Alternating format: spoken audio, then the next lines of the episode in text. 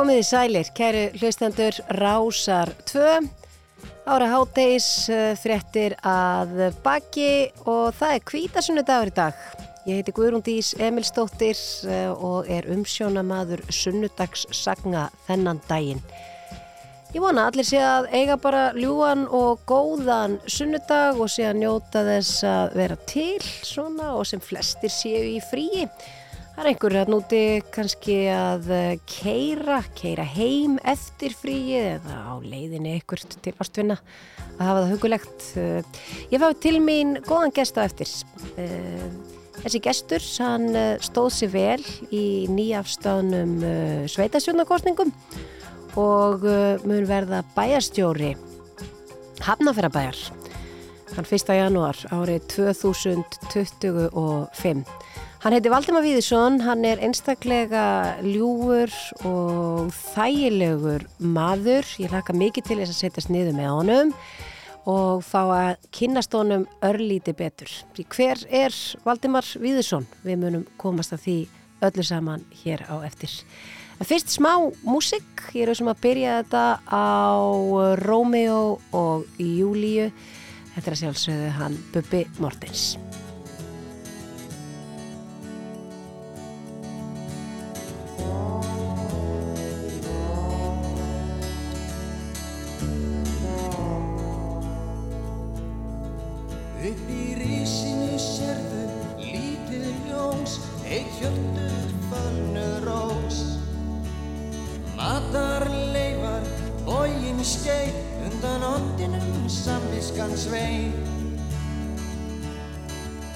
Þau trúðu á drauma, myrkrið svart, draumarnir tilbáðu þau.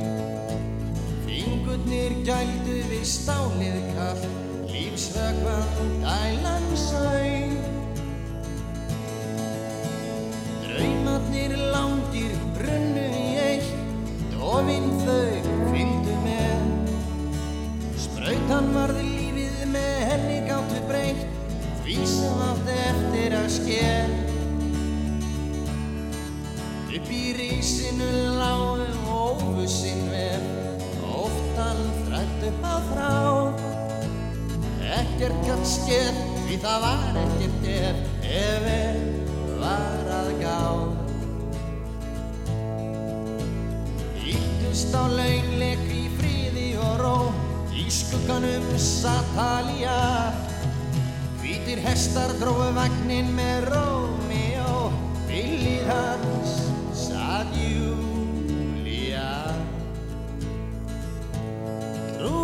Á drauma, myrkri svar. Draumarnir tilbáðu þau. Rómeó,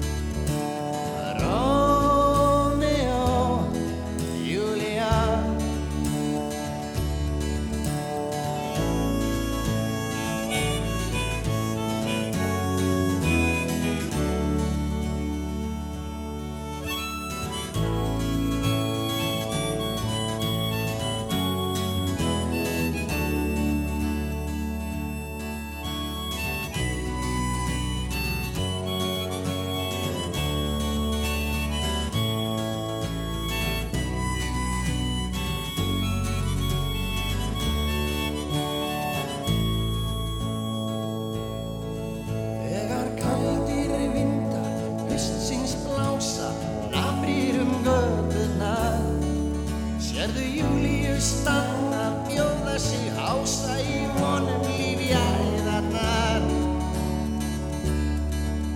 Því Rómíó viltist inn á annað svið hans hlutverk gekk ekki þar Ofstór skaptur skipti þá við inn á klósett og óþekktum har. Íttust á launleik í fríði og ró, skugganum satt halja Hvítir hestar dróðu vagnin með Rómíó Við hlið hans satt Júlia Trúðu á drauma myrkri svar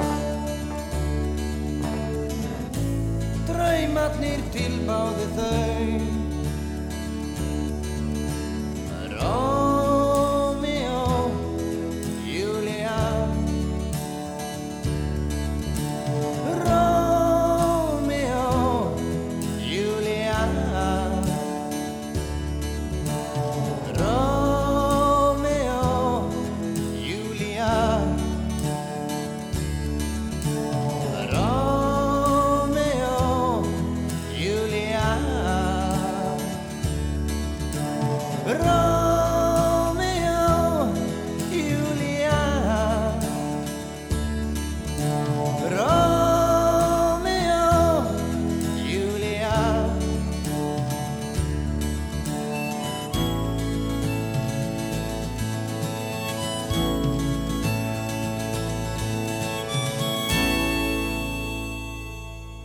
Eins og ég sagði hann, þá er gestur minna þessu sinni í sunnudasögum þennan daginn.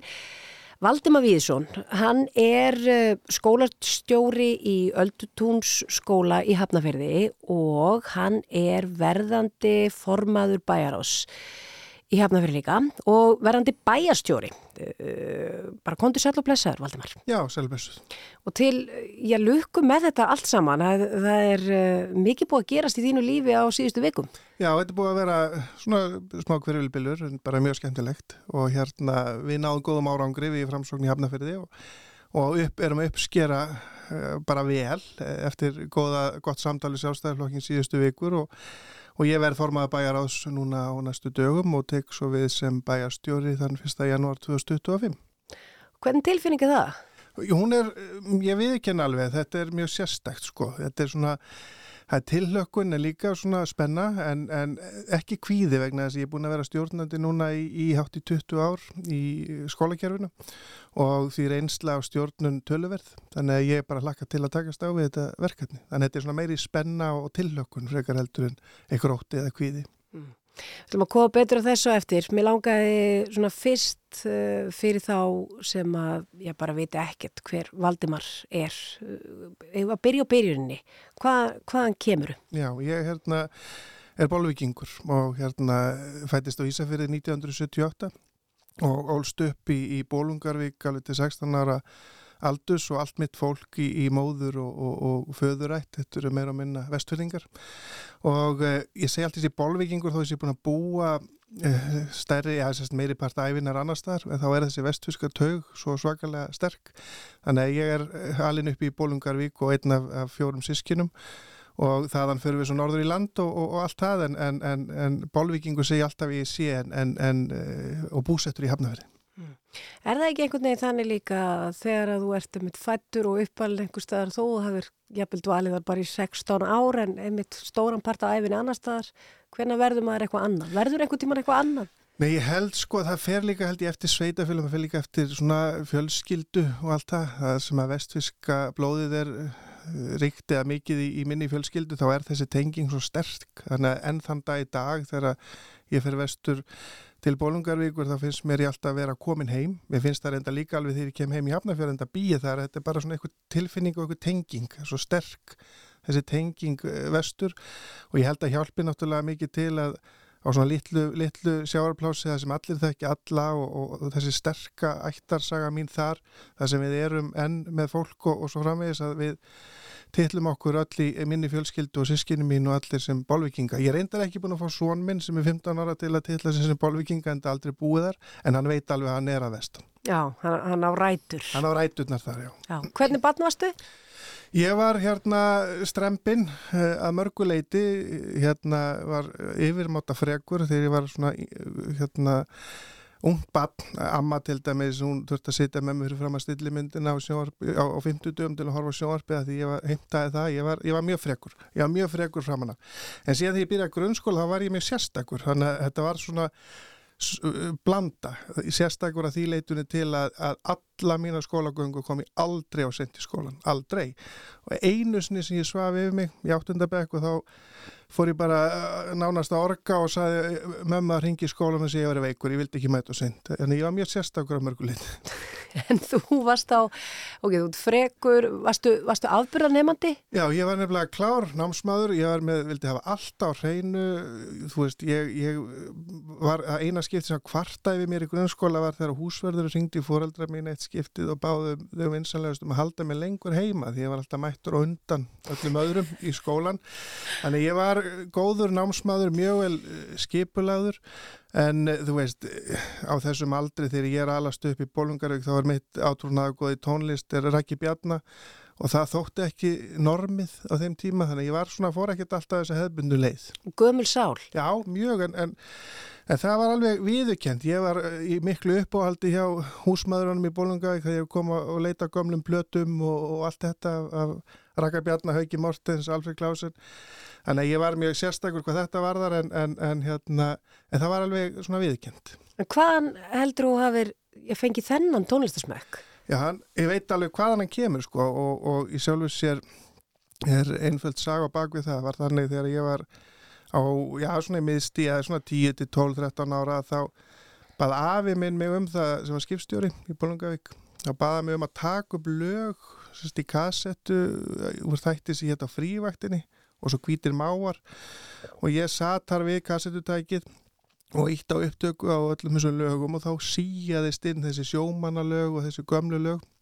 Og ég fór bara hérna að kveikja meira og meira. Og hérna Rækki Bjarnar hætti bara maður þannig að það var svona varð mitt átrúnarkóð og ég náttúrulega gerði mjög mikið í því og, og, og hafði samband við hann og allt þetta. Þannig að ég var alveg bara svona með ég fekk þetta ekki plakkvæmt með hann þau voru ekki til, til á þessum tíma. Menn voru með djúran djúran vinni mínir og allt þetta en, ég, en ekki ég, það var ekki og haugur og elli Já, ég gef mér að til dæmis hafi skólafélaginu verið að lusta á Metallica já, já. eitthvað svoleiðis. Það var allt, það var, meta, það var já, hvað þetta hérna er vana Metallica, Sálansjónsmins, allt þetta. En ég var með Raka Bjarnar og ég, því ég fór í keppnisferðalög, í fótballtaferðalög, þá taldi ég alveg fullvist að þeir vildu syngja allir sér lög, þannig ég skrifaði niður textan, let mömmu ljósita hérna Anna í hlýð og alla þessa text og afhendi þetta í rútunni og svo stjórnaði ég fjöldasöng og þeir tók alveg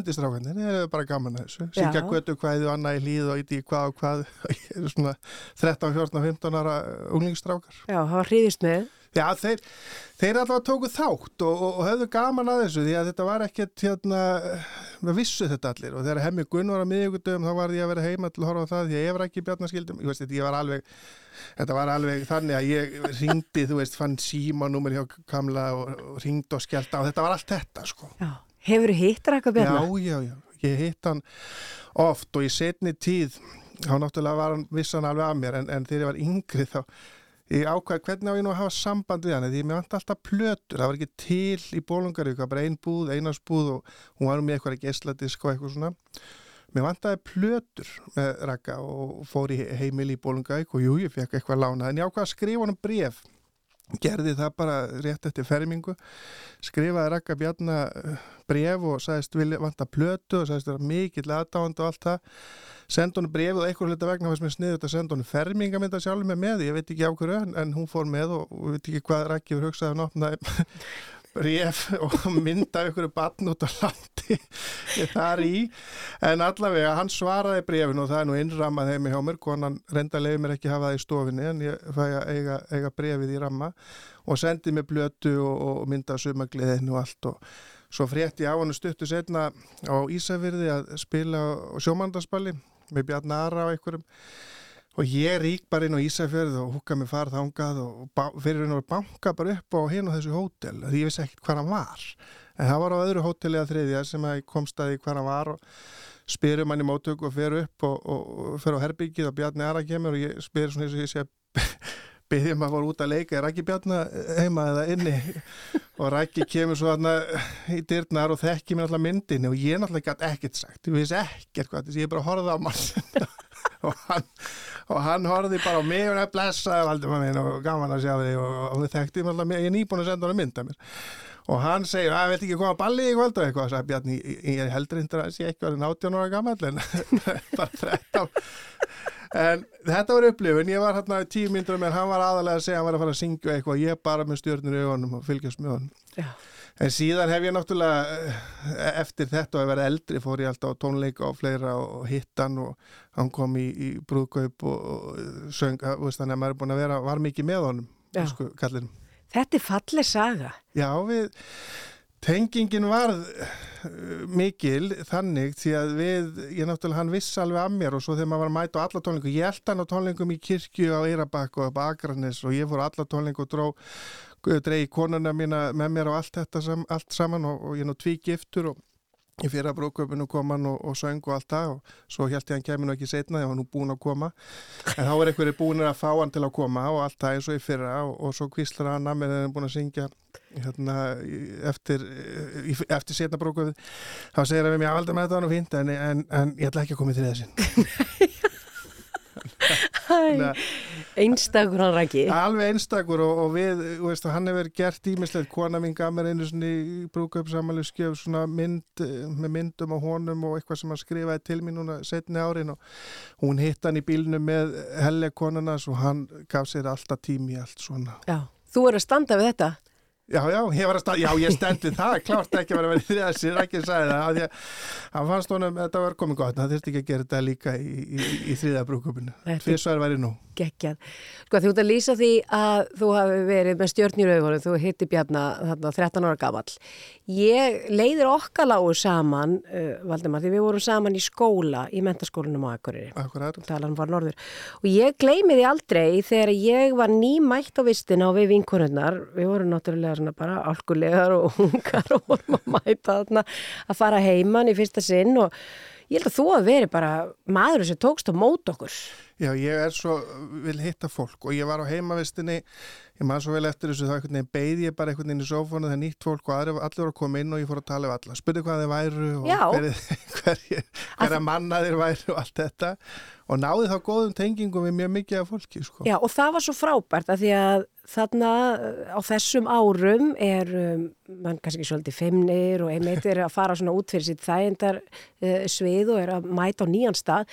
Þá kemur þú askvaðandi spilmann þúsund spurninga og, og einhvern veginn og, og, og það það sem er, mér er alltaf þótt einkenna þig, það er eitthvað hvað ert opinn og elskulegur. Já, ég er svo gaman af fólki og, og, og gef mér mikið af fólki og er búin að vinna í þannig starfi líki mörg ár og bæði þeim er yngur og svo heimavistinni það fannst mér svo mikilvægt að tengjast þeim sem maður var að fara að búa með í raun og verið eins og getum sagt í, í, í þrjú, fjúr ár á heimavistinni þar sem þetta var svona lítið samfélag og, og mér tókst það nánast að, að, að, að þessir, mann ekki hversu mörg, margi voru þarna, þetta var fullt, fullt af fólki en, en þekkja nöfnin og öllum og, og vita hvaðan allir voru Mér fannst það bara svolítið skemmtilegt og, og líka tenging þegar maður sem maður sé opinn því að hittir maður fólk aftur og þá hefur maður alltaf tenging og já hvað er svo að frétta af, bróðinum eða hvað er að frétta norðan eða austan eða eitthvað svona þegar maður svona sýnir fólki áhuga. Mm. Mér finnst það skipta svo miklu máli. Og síðan síðar meir uh, frétti ég af þér sem uh, skólastjóra í Öldutúnskóla og það einhvern veginn kom mér ekkert og óvart og ég hugsaði þarna er maður sem að er nákvæmlega það sem hann á að vera af því að uh, já, ég gæti bara ekki ímyndað með betri mann í þetta starf.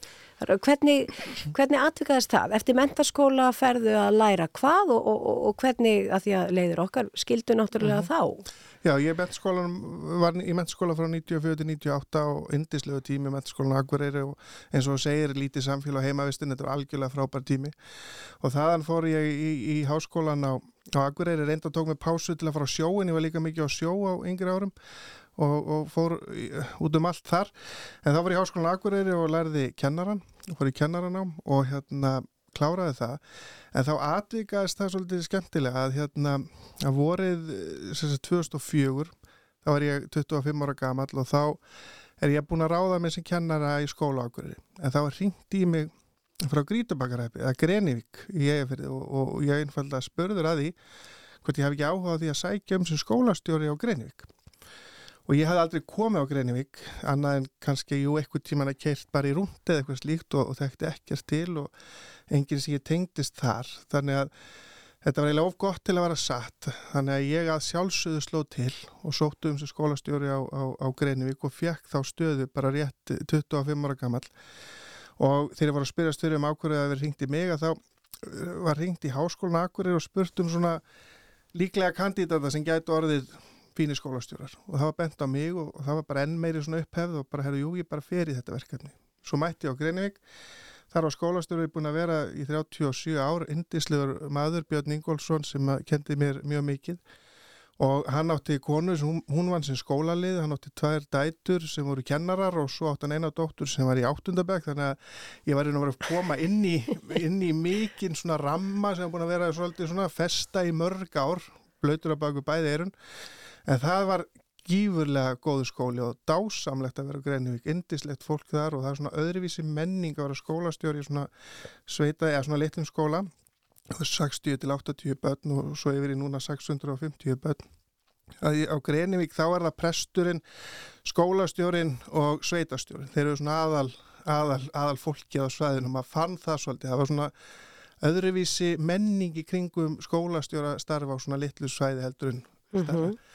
Og ekki það að það var bara svo skemmtilegt, það var svona meiri svona verðing og, og, og svona menn voru svona meiri það var svona einhvern veginn, ég veit ekki alveg hvernig ég á að lýsa því, þetta var svona öðruvísi menningi kringum starfið heldur í, í, í starri skóla sem ég kunni mjög vel við sko, kann mjög vel um í því sem ég ger núna, það var svona, þetta var öðruvísi meira frjálsræði einhvern veginn samt festa en virðingin önnur.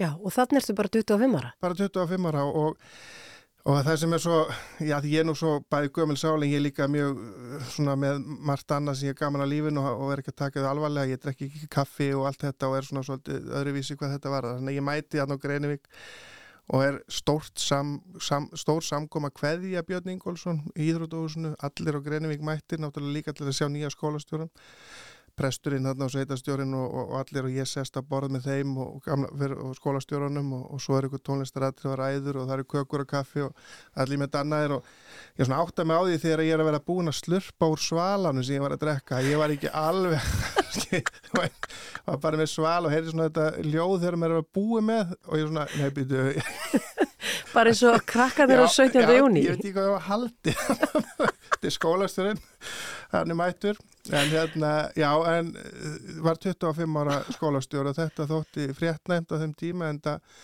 allavega ekki á þeim tíma jafn ungu skólastjóri á landinu, hvort það hefði eitthvað gæst fyrir veit ég ekki en það var allavega einstakt þarna. Já, og hvað varstu lengi þarna? Fjögur ár. Það var fjögur ár á Greinivík og þá fór ég með fyrirvændi konni minni Suður sem var að fara að klára nám og, og, og sækjum þá í, í Hafnafyrði. Já og þetta atvikast allt svo skemmtilega því að á Greinivík var ég beðin um að sækjum og ég sótt um og svo sækjum stöðu í Hafnafyrði 2008 sem skólastöðu í Setbjörnsskóla. Ég veit ekki, sko þá var ég ekki einu svona þrítur ég held ég geti farið í einhvern reysa skóla. Maður var kannski ofmennast og mikið eftir að vera á Greinivík en fekk ekki þá stöðu. En þá var hingtið mér hafna fyrir stöðu setna og sagt að það var að losna aðstofskólastöðu ég að að hef alltaf einhvern veginn verið sóttur inn í þessu störf sem hefur líka verið ánægilegt þetta hefur einhvern veginn bara leitt mig einhvern veginn áfram Já. sem er svolítið skemmtilegt Eitt leiðir aðuru Já. Svo í framhaldinu tók ég við sem skólastjóri í, í Öldutún skóla er búin að vera þar núna síðan 2012 sem skólastjóri og 2008 var ég aðstofa skólastjóri Já, og þú búin að vera í Hafnafyrir þá alla þennan tíma? Já, síðan 2008, já Hvena verður þú hafðfyrringur? Já, ég, ég segi alltaf ég er alveg hafðfyrringur þó að taugarnar og, og, og, og bolvíska, bolvíska taugin sé svona sterk. Ég hérna, bý í hafnafyrði og líður afskaplega vel þar. Ég ekki, get ekki orðið gablari því að það er skilgörning á því í hafnafyrði þá þarf maður að vera fættur á solvangi og foreldra bæðir hafðfyrringar og allt það sko. Já, ég held maður þurfa að vera fættur bara heima á sig já, nánast. Nánast, já, ég held að það sé alveg hérna, svona, þrengsta skilgörningin sko. Já, en hvað er það sem er svona heitlandi við þetta starf, eh, skólastjórastarfið og, eða, og, og bara vinna með ungu fólki? Það er bara svo gefandi, þetta er svo skemmtilegt það er, það er sko að hitta allt þetta fólk, engin dagur er vera eins, þú veist, þú er svo heið að vinna þetta með börnunum, þú veist, þau segja manni, maður mætir og þeim finnst maður eitthvað í skritnum jakkaði ljótum, þau segja það bara sko, þau eru svo einlag gefa manni svo mikið svo gaman að vinna með þessum ólíka uh, starfsmannahóp foreldrum bara í kringum öldutúnskóla sem er um 650 börn og um 100 starfsmenn. Og þar á bakvið börnin eru ykkur 1200 foreldra sko þannig að þetta er bara 2000 manna samfélag svona þegar allt er, allt er talið. Og þetta er bara svo skemmtilegt, þetta er fyrst og fremst bara að því að þá fær maður að vinna með svona mikið af fólki og ég er svo mikið fyrir fólk að vinna með fólki að, að þarna líður mér afskaplega vel Mm -hmm. Þú uh, talar um það, þú giftir þig í fyrra. Já, ég gifti mig árið 2000, fyrst uh, fyrirverandi koni, það var árið 2007 og svo, svo núverandi koni sem er árið, uh, hún er brjálega 2017. Já, guðgóður, ég segi bara í fyrra. Þetta er náttúrulega, tíminn líður náttúrulega Já, svona. já. Já, en þeir eru búin að vera saman mikið lengur. Jú, ég og kona minni við kynnumst, uh, ég og fyrirverandi koni við skiljum hann 2009 og ég kynni svo fyrirverandi koni, núverandi koni minni hann 2011 að kynnist, hún var, er að vinna á sama stað og ég sko, þannig að við, það var auðvelt að, að kynnast þannig lagað, hún kennar í Öldutúnskóla og hún ætlaði sér alltaf að, að, að koma með saman við vinkonu sína sem var einleip og hérna uh, var svona að vinna í því langan tíma en, en svo náttúrulega því hún var sjálf einleip þá, þá náttúrulega stökk hún bara á það að, að það bara passaði vel en hún var samt búin að segja ætla, þegar, þegar hún skildi þá var hún búin að segja ég ætla ekki að fara í yngri mann og ég ætla ekki að fara í eitthvað sem er með mér í, í vinnunni og svo breyt hún þetta allt saman Já, hún bara stóð ekki við Já, neitt nei, að stóð þessu. ekki við neitt að þessu Já. Þið er einstaklega fallegu sambandi. Já, við erum mjög, við erum, sko, gera sem er grínaði, sko, við erum, já, hvað segir maður, við erum það náinn og það mikið saman að við erum saman ánast alla sólarhinginu, vinnum saman, búum saman, við gerum allt saman, það er bara einhvern veginn, öll þessi ár sem við erum búin að vera saman, þá hefur það bara aldrei komið fyrir að við förum að sofa á sig einhverjum tíma og þetta er, þetta er sérstækt, ég veit að en við erum einhvern veginn náum bara þannig. Já. Þannig að þið fa- farið alltaf saman inn í herbyggi. Alltaf og það er bara þannig að, að, að það bara, bara þróast þannig, okkur líður bara best þannig og við sjáum ekki fyrir okkur heldur að geta annars í frammi og hins í fannin við bara einhvern veginn náum ekki utanum þá hugsun Nei. En hver er, mér langar að spyrja það svona persónulega nótunum, hver er líkillin að svona góðu hjónabandi og góðu sambandi? Getur þú gefið uh, fólki smá insýn í það? Já, við erum bara með döglega að gera eitthvað saman og, og hitta fólkið okkar fjölskylduna og vini og, og þetta snýst um við settum okkur til áramóta heit hérna árið 2016 að gera eitthvað nýtt í hverjum mánuði, eitthvað svona nýtt sem aldrei prófað saman, hvort það er að fóra út að hjóla það getur verið að fara í göngutúri kringu viðstæð, hérna kringum eitthvað vatn, það getur verið að fara í, í, í, hérna spa eða eitthvað svoleiðis, bara hvað sem er, bara eitt deitt, eitt stefnum út í mánuði Mm. sem við erum búin að gera óslitið síðan 2016 og þá skipulegur annar aðilinn fyrir hitt og, og, og við komandi veit þetta. Er eiginlega óvænt stefnum á einu sinni í mánuði uh, síðan 2016 og þetta gefur okkur svo mikið að gera eitthvað saman. Við, við tölum mikið saman. Við náttúrulega erum með svipið áhugamál en við erum bara að rækta hvert annað með bara veist það þarf ekki að fyrir göngutúr eða hjólatúr. Bara vera saman. Já, bara vera saman. Og eru þið þá með, þið eru búin að ákveða dagsetninguna kannski í hverju mánuði eða er þetta bara að gera þetta allt í einu? Nei, þetta er yfirleitt planað, ég til dæmis, ég sé um júni og ég er búin að segja henni það að 17. júni verður nýtt í hverju mánu og þá er búið að plana hvað það verður. Uh, síðast fór hún með mér niður á Granda og fór við að gera eitthvað listmun eða mála eitthvað saman. Uh, ég kann ekki að mála en, en þetta var yndisleg stund sko.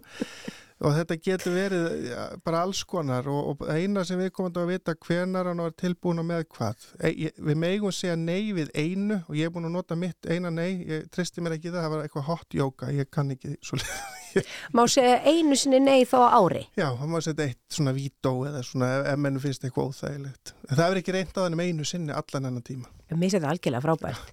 En að því þú varst að tala líka um Raka Bjarnáðan og hvernig er hennar tónlistasmekkur? Er, er þið búin að aðlegast tónlistamekk hvers annars? Já, við náum því vel og hún fór náttúrulega með mér alla þessar tónleika með Raka og kynntist Raka lítilega í gegnum mig og, og ég er náttúrulega fyrsta stefn eitt af fyrstu stefnumótunum sem við förum á það býð, náttúrulega ísrúndur, ég er nú svo gamaldags að ég held að ísrúndur væri eitthvað sem væri mjög, mjög sniðut að gera. Þannig ég bauði henni ísrúnd og fyrir byggja í Breiðholt og legg bílnu þar að menn borðum ísinu og hún, hvað hva, hver eru við? Setjum við hér, ykkur er íbúðagötu. Þannig að Raki Bjarni hann á heima þannig voru fyrir utan húsið og, og þá sagði hún líka býtu er þetta ekki svolítið oflán. Já nei, bara hún sínaði hann heima og hann er heima, það er bílina Þannig að þið voru bara saman í rauninni að sitja um Já, og, og henni, hún segir þessu sögur reglulega en ég veit ekki, mér- dettur, þú veist, ég held þetta væri eitthvað voða sniðut svona að- kynna hana fyrir þessu með þessum hætti en ég er bara pínu hrætt hana. Þessu fyrstu. Þegar þú fórst heim og laðist á gottan þetta kvöld, hugsaður, ah, ég, ég hef átt að gera þetta Nei, þetta var öðruvísi, ég veit ekki það þegar hún svona, hún kom svipur býtu, þetta er eitthvað skrýn siti hérna með ís með dífu og, og, og íbúa götu breiðhaldi og horfa húsið að raka í bjarna. Já. Nei, en hún fyl, hef fyllt mér í hérna alla þessa tónleika en svo hef ég aðlagast líka henni sko, hún uh, fer með mig og, og bríti og leiði mér að hlusta á alls konar sem hún hefur gaman að, þannig að við erum alveg að mætast Þannig að þið eru kannski rosalegt bland í boka. Já, mjög mikið. Hún hefur, getur alveg hlusta þegar við erum að ferðast um landið og hlusta á mína tónlist og ég hennar. Það er, það er, við náum alveg að samræma þetta. Já. Hún er kannski ekki alveg í, í Hauki Mortens og Alfred Klausen og svona þessum, þessu elsta en, en ég er svona, þú veist, sle, sleppur að því hún, hún er, henni finnst hann svo dásanlegur og allt það en, en svo erum við bara svona ykkur milli. Saman eh, eigið þið, eða sama sem, eigið þið fjögur börn. Það eru þrjú börn sem við, hún og tve, tvær dætur og ég og eitt svon og svo erum við komið svo er ég svo heppin að með henni fylgdi þá tvö barnabönn, þannig að ég er komin í afallutverki líka. Komin í afallutverkið. Já, já. Hvernig afi er Valdimar? Hann er mjög mikið í því að, að, að hérna, gera eitthvað sem er rosa skemmtilegt og hann er mjög mikið með nammi í vasanum og allt þetta til að rétta barnabönnunum en, en bara mér er stásamlegt að, að geta verið með svona barnabönn sem að maður getur bara svona verið að stjana við sko. bara, bara gera þetta og hitt og svo skila maður bara til mömmu og pappa þegar það er búið en, en að, að þau gista og, og, og, og, og hérna, maður náttúrulega líka ala hennan yngri upp sem er í fótbolta hvað liði hann á að halda með og klæða hann í Liverpool búningu og svona en þetta er bara svona gam, svo skemmtilegt hlutverk öðruvísi. Já. Og þú, og þetta er eiginlega kannski viðeigandi, afi lustur að raka bjarna. Já, já, það nákvæmlega þannig. Ég, ég, mitt gera það svona margir afar en, en á mínum aldrei kannski minna. En, en, en já, það eru semst þrjú börn og hún er með tvær dætur og ég eitt son og við erum búin að ná bara að blanda þessu. Þetta er svona nútíma eins og nútíma fjölskyldur við að stundu vera svolítið í, í dag. Þetta er svona eitthvað bland. Þetta er ekki bara algengasta formi Já, þetta er, svona, að verða allavega algengara heldur en það var. Já. Uh, hvernig uh, uh, skó, að því við ætla aðeins að snóa mér aftur að þér sem, að því við erum að tala um því sem uppalanda og svo því sem svona uh, skólastjóri, menna, áttu ekki auðvelt með að einmitt, setja því í spór barnana og, og, og allt svo leiðis og einmitt þetta, að við vorum að tala um þetta var kannski 2000 manna samfélag, einmitt flókin fjölskylduminstur eh, áttu auðvelt með að tengja. Já, mjög, ég finn það alveg og ég á eldri árum, eða ekki eldri árum og þegar ég var án eldri þá fór ég sjálfur í svona greiningu og greinir svona aðt í hátti hérna, með það allt saman hann og vinna með því, mikið af börnum þannig ég tengi mjög vel við börnin á þessum aldri hvernig ég var og hvernig þau eru og ég næ þessari tengingu vel við krakkan og get sett mig vel í spór þeirra og, og hef náð og er alveg ánaði með hvernig hef náð, hvað árangri hef náð í þessu starfi.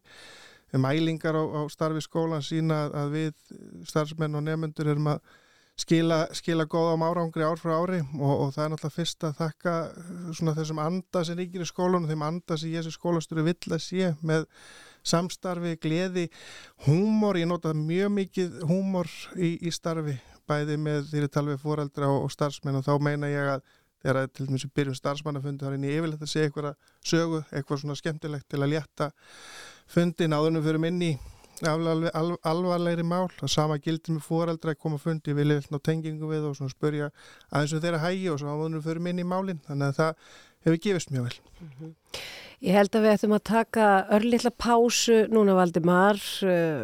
Það er ekkert meira viðiðandi en að við veljum eitthvað gull með raka bjarna Já, það verður að vera og svona og, og, og kælum okkur aðeins niður. Þú getur fengið þér smá svala og ég fæ mér, mér kaffesopa.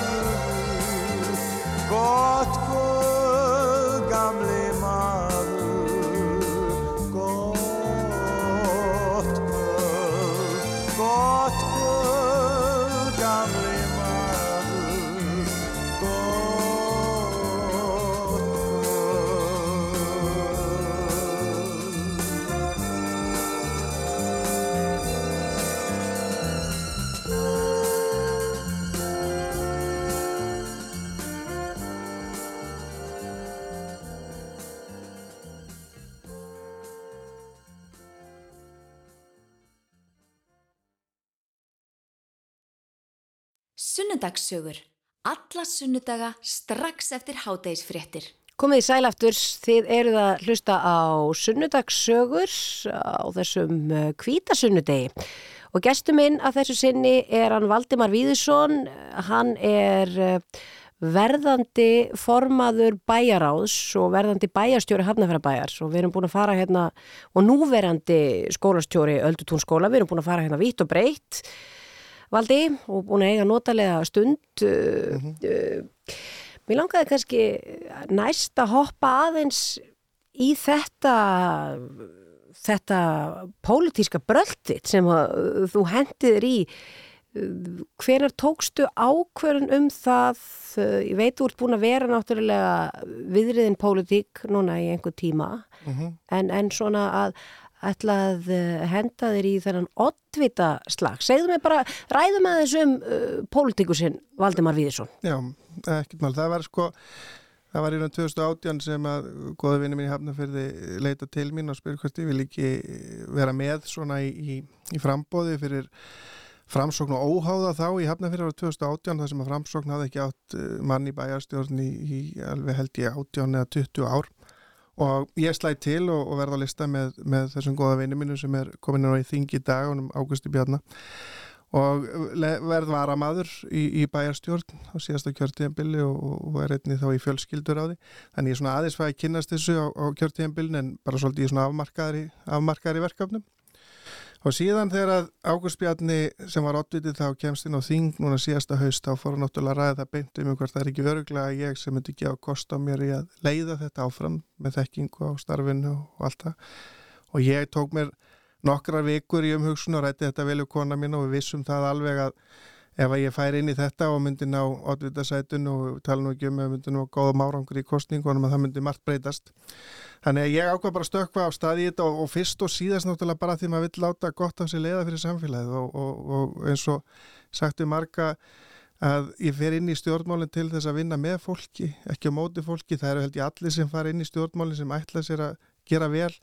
Svo getur okkur greinta um leiðir og allt það en það sem er líkar vest í þessum stjórnmálum það er svona baknag og, og plott og svona verið að reyna að ná sér niður á fólki, tala málefni niður, fólk niður, ég tek ekki þátt í því sko, og hef ekki gert. Nei, en uh, ég veldi fyrir mér hvort að þú, uh, já, að því að Já, maður hefur fylst með einmitt eins og þú segir. Það, það er þetta bagnag og, og, og það er óbúslega gaggríni á fólk sem að gefur sig í stjórnmál mm -hmm. og það má ekkert út af bregða á þess að fullta fólki fara upp á afturlappirnar og, og það er verið að tala niður og tala íllum og svona. Þetta er ægilega harka í, í þessum heimi þannig að þess vegna veldi ég fyrir mér hvort þú hafið ekkert svona hugsað, nei, ég ætla ekki þessa ormagrifju. Já, ég vissulega það var það sem ég tók mér nokkra vikur ég að velta fyrir mér en, en, en niðurstað var það að fara samt að stað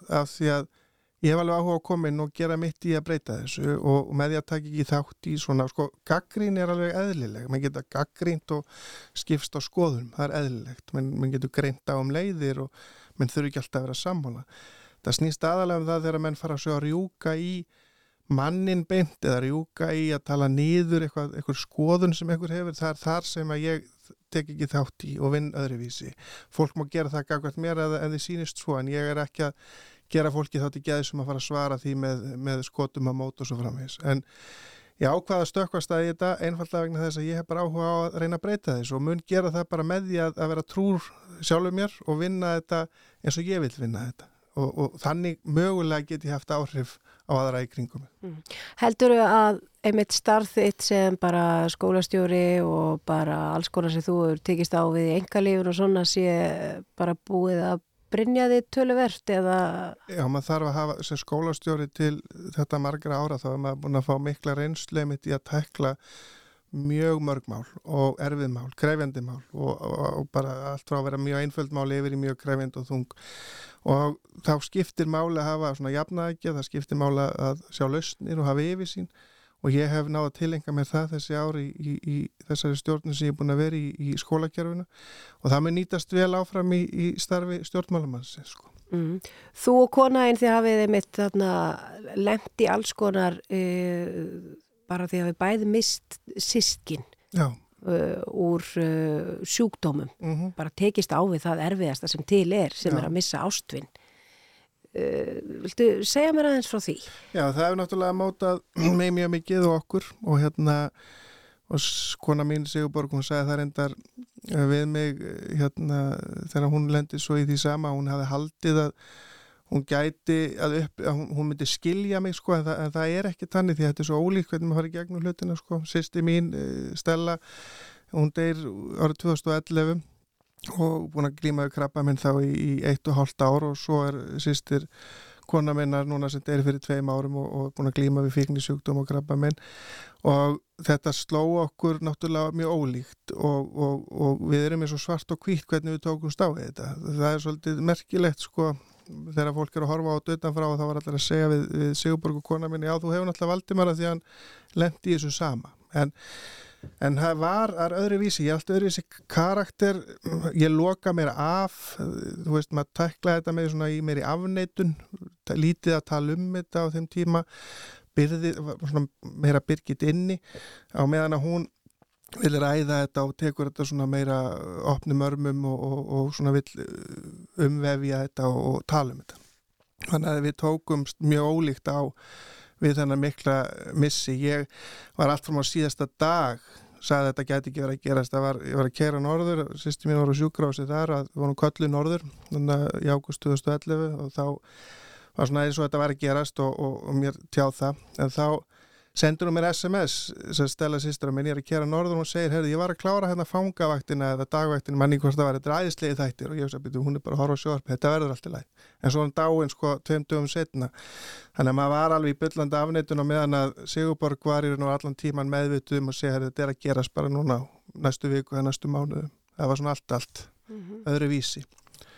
en það er bara, ég er einhvern veginn veist, þessi gamli skóli nær þarna líka. Það er svona klapp á aukslina meira og, og, og svona, þú veist, svona ástúðin er hún, svona tilfinningarnar er ekki alveg borðnar svona á tork mm -hmm. Og þegar maður lendir í einhverju svona, myndur ekki segja að maður fari einhvern veginn að forgangsraða upp á nýtt í lífinu? Jú, bara maður horfa á hlutina allt, allt öðruvísi og Stella sýstir, hún var yng- yngst sko, fætt 87 og ég 78 en við vorum mjög góði vinir, það var mikið, hlóðum mikið og fýbluðus mikið og allt þetta og, og, og missirinn var því náttúrulega sár fyrir alla en við vorum orðin þetta, þetta náinn en, en forgangsröðunin fór veist, þetta með að lifa lífinu og lífið er núna og allt þetta sem margir segið stjórnir svona frasar ykkur er þetta er svo rétt sko, skipt svo miklu máli að njóta lífsins og það er við til þess kona mín svo sannarlega að reyna að gera því að maður veit aldrei maður það bara að, að lifa lífinu lifandi og hafa gaman að því Mhm. Og það er kannski eins og þú segir, það sem þið eruð að gera all daga. Já, það er það sem að við bara ákvaðum vegna þess að að vera með fólkin okkar eh, gera eitthvað skemmtilegt saman eh, veist, ný- nýta eh, bara nærumhverfið til útivir bara vera, gera eitthvað sko ekki, ekki bara láta okkur leiðast og vera fúl, heldur, heldur hafa eitthvað fyrir stafn og þó, þó sé ekki nema að sitja heim og horfa eitt sjónvastátt og vera saman í því það er bara að njóta þess að vera saman. Þannig að þetta breytti hugsunagangi hjá mér og þetta breytti hugsunagangi hjá Sigurborgu því að þetta er náttúrulega gífurlega þungt og eins og allir þekkja sem hafa mist en, en, en þetta breytir svona lífsín. Já, og kannski þá uh, mætti að einhverju leiti þá kannski rekja það til þá að hvernig þú og þið lifi lífinu að þú hafið stokkið á þetta tækifæri þegar að það, uh, já þegar þú varst svona nána sóttur í það eins og þú varst sóttur í skólastjóra ennbættin.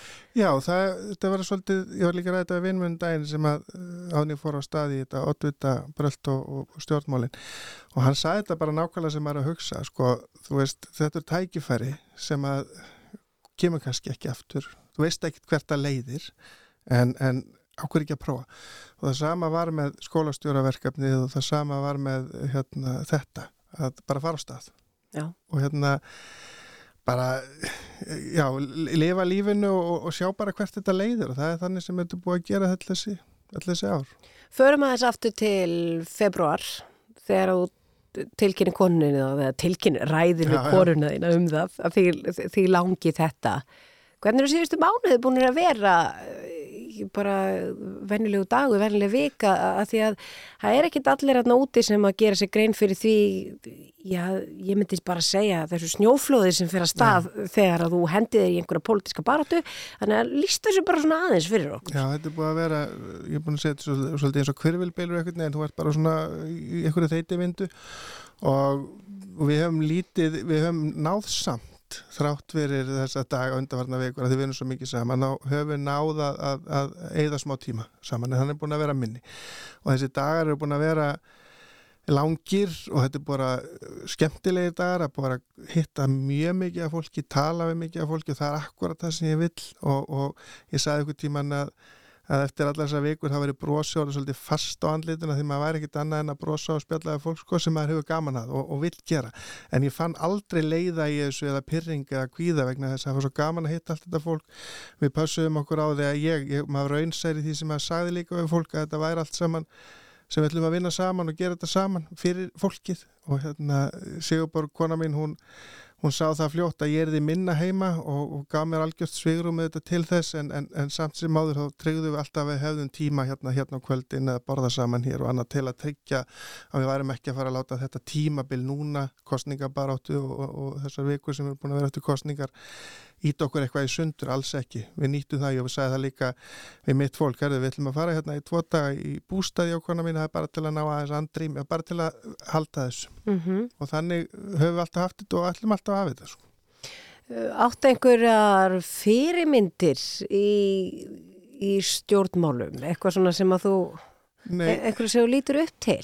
Já, sko, það er þá helst sko fyrirmynd sem maður hefur eins og ég, kannski eh, er það eitthvað, eitthvað glísi ef að samt um það, en, en eins og Vigdís Vimbóðdóttir fósetti, hún hefur þessa þægilega nærver og þessi mannvinur sem hún er, ég lít mjög mikið upp til svona karaktera sem eru svona Obama í bandarækjunum, þetta er svona menn og konur sem koma svona fram einhvern veginn og sópa fólki með sér og svona rífa fólk með sér Þannig að ég hef miklu meiri, horfið miklu meira til fólks eins og, eins og þessara karakter og þessara stjórnmálamanna sem eru þessi mannvinir og eru svona að vinna með fólki einhvern veginn sem Mm. mm. svona hefur ekki, ekki svona þessi pólitísku klækja leikir og allt þetta ég er minni horfið þá og minna horfið þangað. Já, maður, svona einhverju sem þú, maður hlustar þegar þeir tala. Já, það er nákvæmlega þannig, eitthvað sem svona er tröstveikjandi og, og hérna og svona er umhugað um eh, fólk og, og, og svona hvertu stefnum og allt það.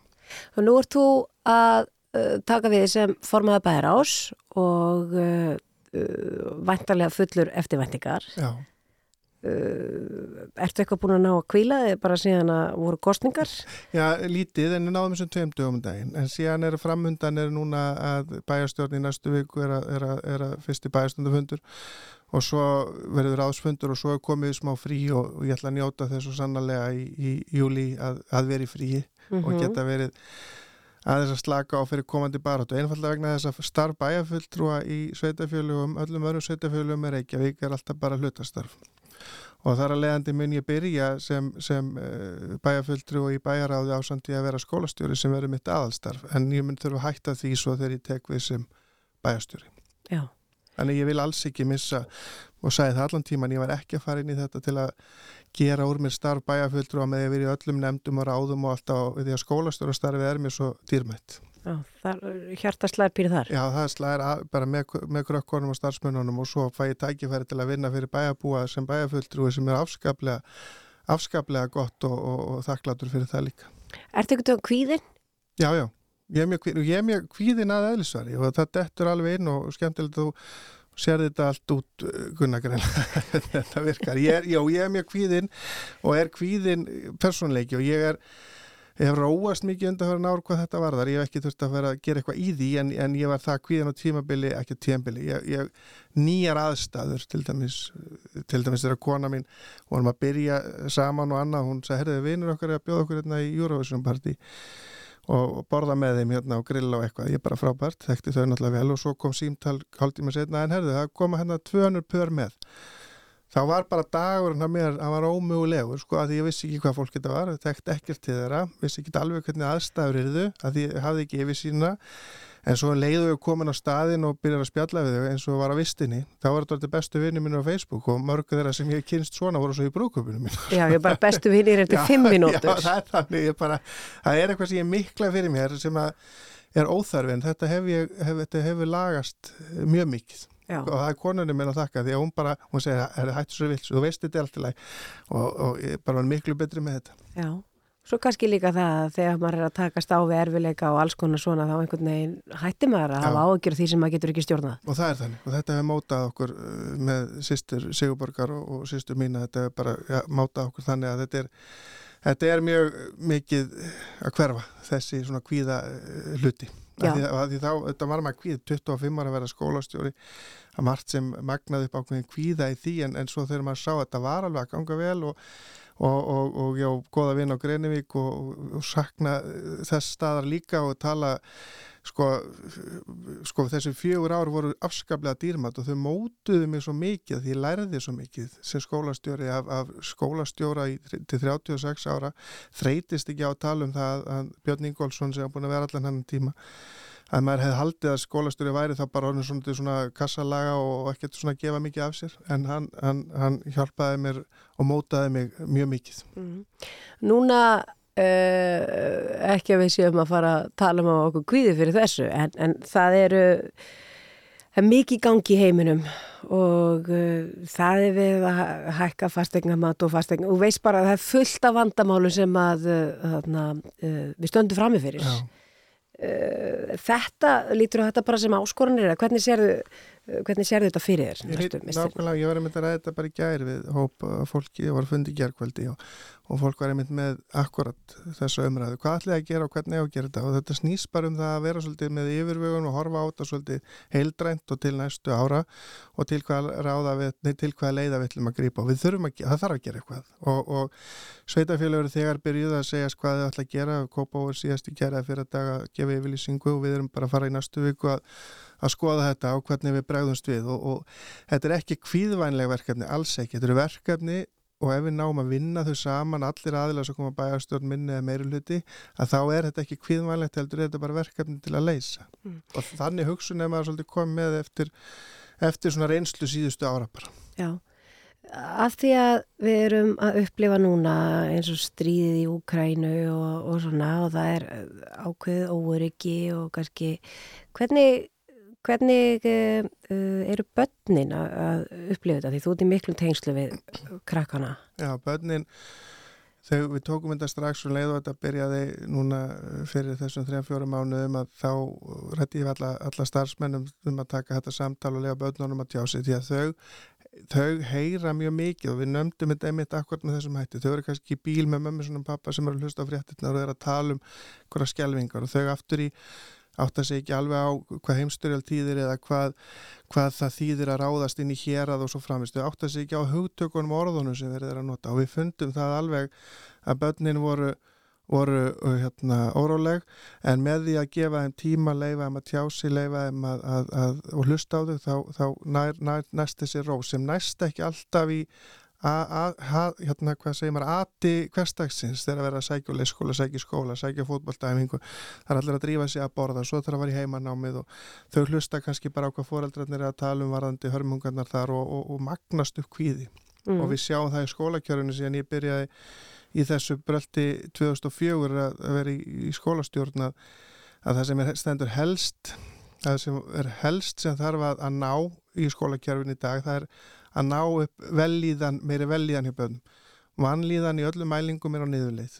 Bara vanlíðan ár frá ári að lækkar, það er að segja hækkar orða, orða, orðalegur með það er að segja vanlíðanar súlan er að verða hérna, herri sem þýðir að börnunum er að líða verð og, og, og stelpum stelpur eru, eru þar eh, sagt, meiri vanlíðan en strákar.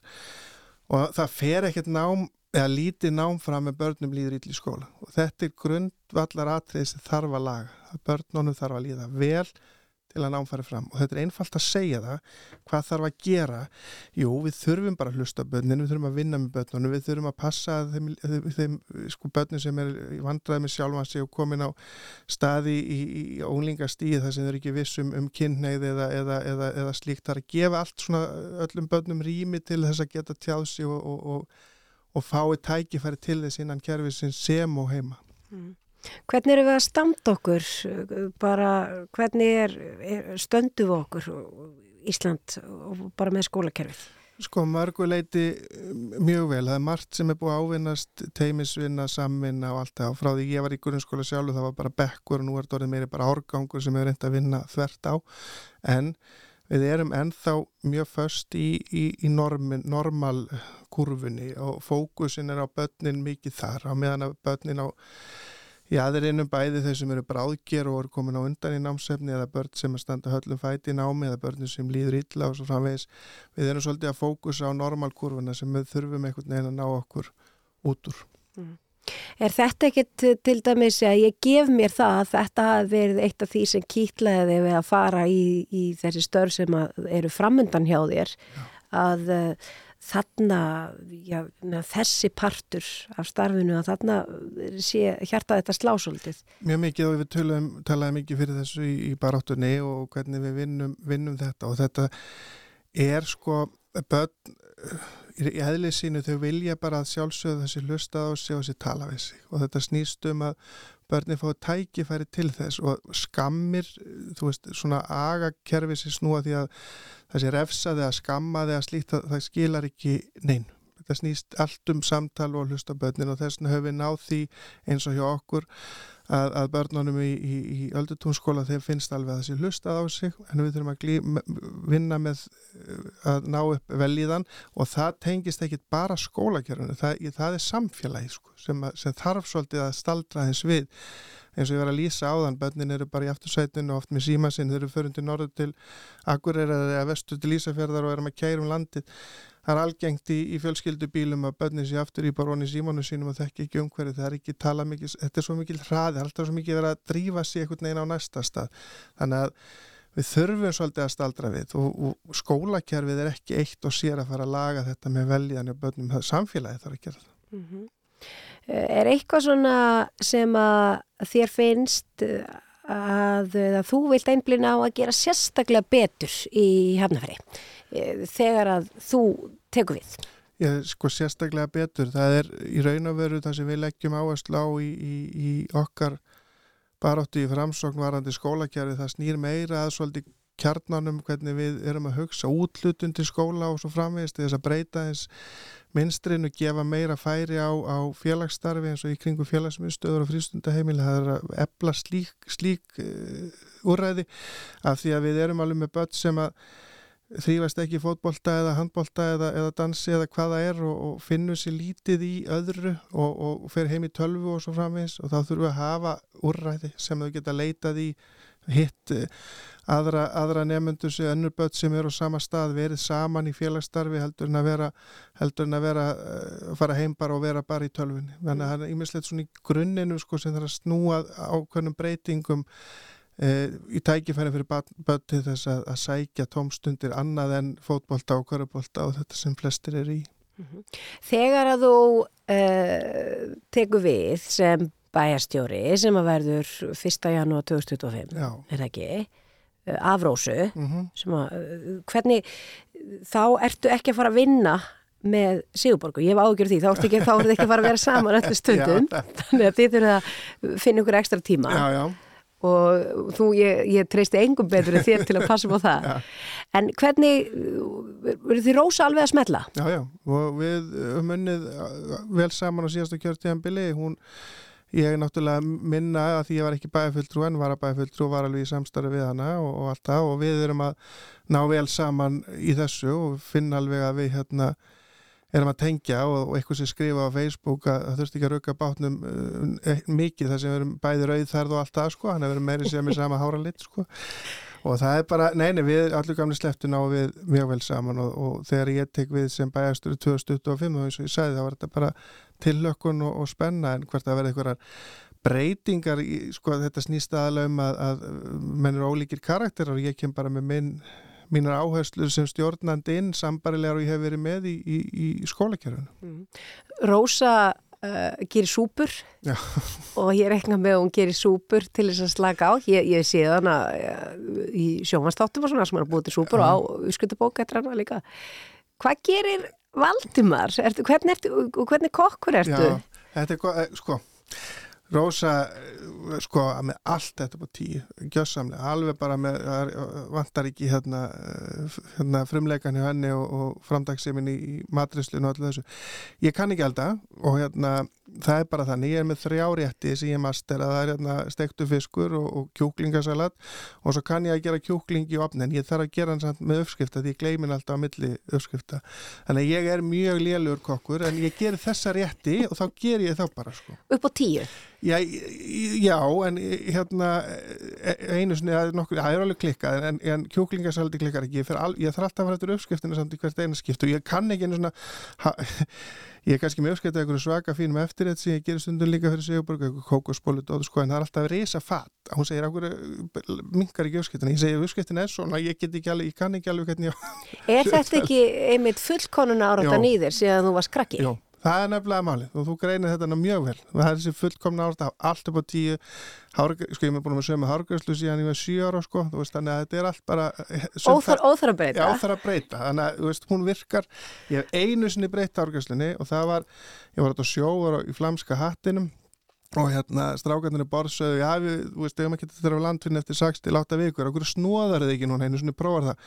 Þannig ég létt til eðast og snóðaði mig, nema það að skipi bílaði og við fórum í land sko daginn eftir.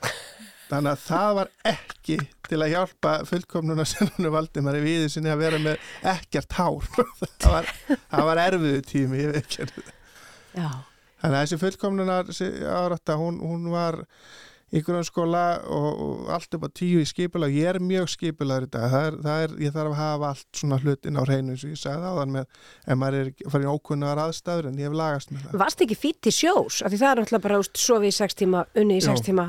Já, mjög, sko sjórin var skemmtilegu tími, ég fór á sjó fyrst 15 ára og var öll sömur 15 ára og út mentaskóla og svo tók ég ás frí frá námi og var líka á sjó og ég kunni mjög vel við mig þar. Þar var þetta bara svona eins og þú segir, vinna 6 tíma, svo bara borða og, og, og sofa og horfa á sjónvarp, svo vinna, veist, þetta var bara einhvern veginn. Já, rútína. Rútínar alveg bara út í hið, bara óvandilega og ég fór á sjó, gaman að segja frá því líka því að maður var, eftir að ég sest, skilnaði við fyrir konuna þarna svipa leiti og, og sýsti mín deyr og þá er búið að vera svona erfiður erfiður tími, krefjandi tími hjá mér og, og, og var að taka við nýju starfi hérna í Öldutún skóla, aðstofa skólastjóri og, og var að stóð einn einhvern veginn og þetta var svona allt mjög þungt og ég hugsaði með hvað er ég að gera um sömar, ég var einhvern veginn ekki með plön, það var ekki neitt eh, ákveðið þannig að ég ákveð að ég fer á sjó eitt túr og það sko gerði sömar, þetta var einhvern veginn afslöpun fyrir mig að komast bara í hérna mánadar túr vinn í 6 tíma með strákonum eitthvað, bara hugsa um vinnuna í þennan mánuð og einhvern veginn var annað bara sett svona svolítið á til hliðar og svo þegar maður kom í land þá var maður svona eins og maður verið endur nærður þó maður að vera að vinna í mánuð þetta var svolítið skrítin eh, tilfinning sko. Já, bara dáltil færiband að vinna eh, mitt og kannski já, bara afslöfum fyrir huga. Já, hug, já, það var bara, hann þurfti ekki að vera hugsa um það að það væri verið að standa í erfileikum í engalífinu eða með, með, með sýstu mína, það þurfti ekki vissulega varða alveg, en maður var bara fókuseraður í öðrum verkefnum. Já. En þegar maður kom í landa veginn, já, maður þurfti þarna mánuð aðeins í svona pásu, en samt að maður á fullu að vinna. Það var svolítið uh, sérkeinlega tilfinning.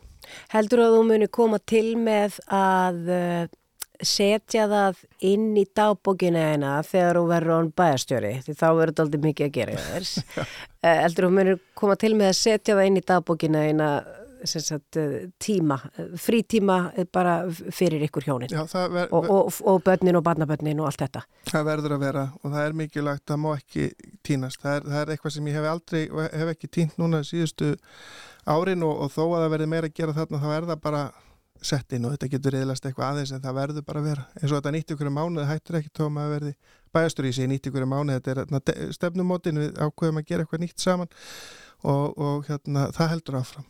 Heldur, Valdur, nú er ég bara með hugmynd fyrir þig ef þú myndir allt í einu eldaru, ertu þá ekki elda þegar það er nýtt í hverju mánuði, kemur hún ekki heim og það er bara búið að Jú, ég hef alveg, ég hef alveg, jú, ég hef, ég hef alveg keft svona fiskrétti sem ég hita og ég hef alveg elda, sko. já, já, við, þú er búin að umbreyta eldusinu bara í og það er ítalst í kvöldi að það er allt í hennu bara orðið að verið indvest í kvöld og þú er bara búin að henda túrmerik og, og pönnuna og... Jú, ég, ég, þetta, það væri klárlega nýtt, sko, þess að ég hef ekki gert það en maður er spurning að gera, gera það en ég hef alveg, hérna, ég hef gert aftur á móti brönns og breytti öll í svona einhvern amerískan brönns og eitthvað svona þannig ég hef alveg, ég hef gert aðeins svona eitthvað, eitthvað að þessu. Já. Valdima Víðursson, ég held að við ættum að fara að setja punktin hérna. Við getum tala saman náttúrulega í allan dag. Eh, ég hlaka til að fylgjast með þér og, og komandi misserum. Og ég eh, ég er sannfarðum að þú eigir eftir að massa þetta allt saman. Og við þurfum gott fólk eins og þig í, í stjórnmálinn Takk fyrir það Takk fyrir komuna í sunnundasögur. Takk, takk. Líkt og ástarljóð sem enginn fjekk að njóta eins og gulnað blad sem geymir óræð orð eins og gömul hef sem búið er að brjóta Þar er þar er þú, þar er allt það sem ástinn okkur gaf. Þannig týnist tíminn, þannig týnist tíminn, þannig týnist tíminn þó hann byrtist við og við. Líkt og sumar ást sem aldrei náða blómstra líkt og trega tár sem geymir falleg brós Þarn er gömul mynd sem sínir gladar stundir. Þar er ég, þar er þú, þar er allt það sem ástinn okkur gaf. Þannig týnist tíminn. Þannig týnist tíminn Þannig týnist tíminn þó hann byrtist við og við. Þannig týnist tíminn. Þannig týnist tíminn. Þannig týnist tíminn þó hann byrtist við og við. Líkt og mynd sem bjó í vonarlandi þínu eins og æsku þrá sem lifnar við og við. Býr þar sektar kend sem ennþá nær að særa Þar er ég, þar er þú, þar er allt það sem ástin okkur gaf. Þannig týnist tíminn Þannig týnist tíminn Þannig týnist tíminn þó hann byrtist við og við. Þannig týnist tíminn. Þannig týnist tíminn. Þannig týnist tíminn þó hann byrtist við og við. Líkt og ástarljóð sem enginn fær að njóta Endar sem gulnað blað er geymir óræð orð. Eins og gamalt heit sem búið er að brjóta. Þar er ég, þar er þú, þar er allt það sem ástinn okkur gaf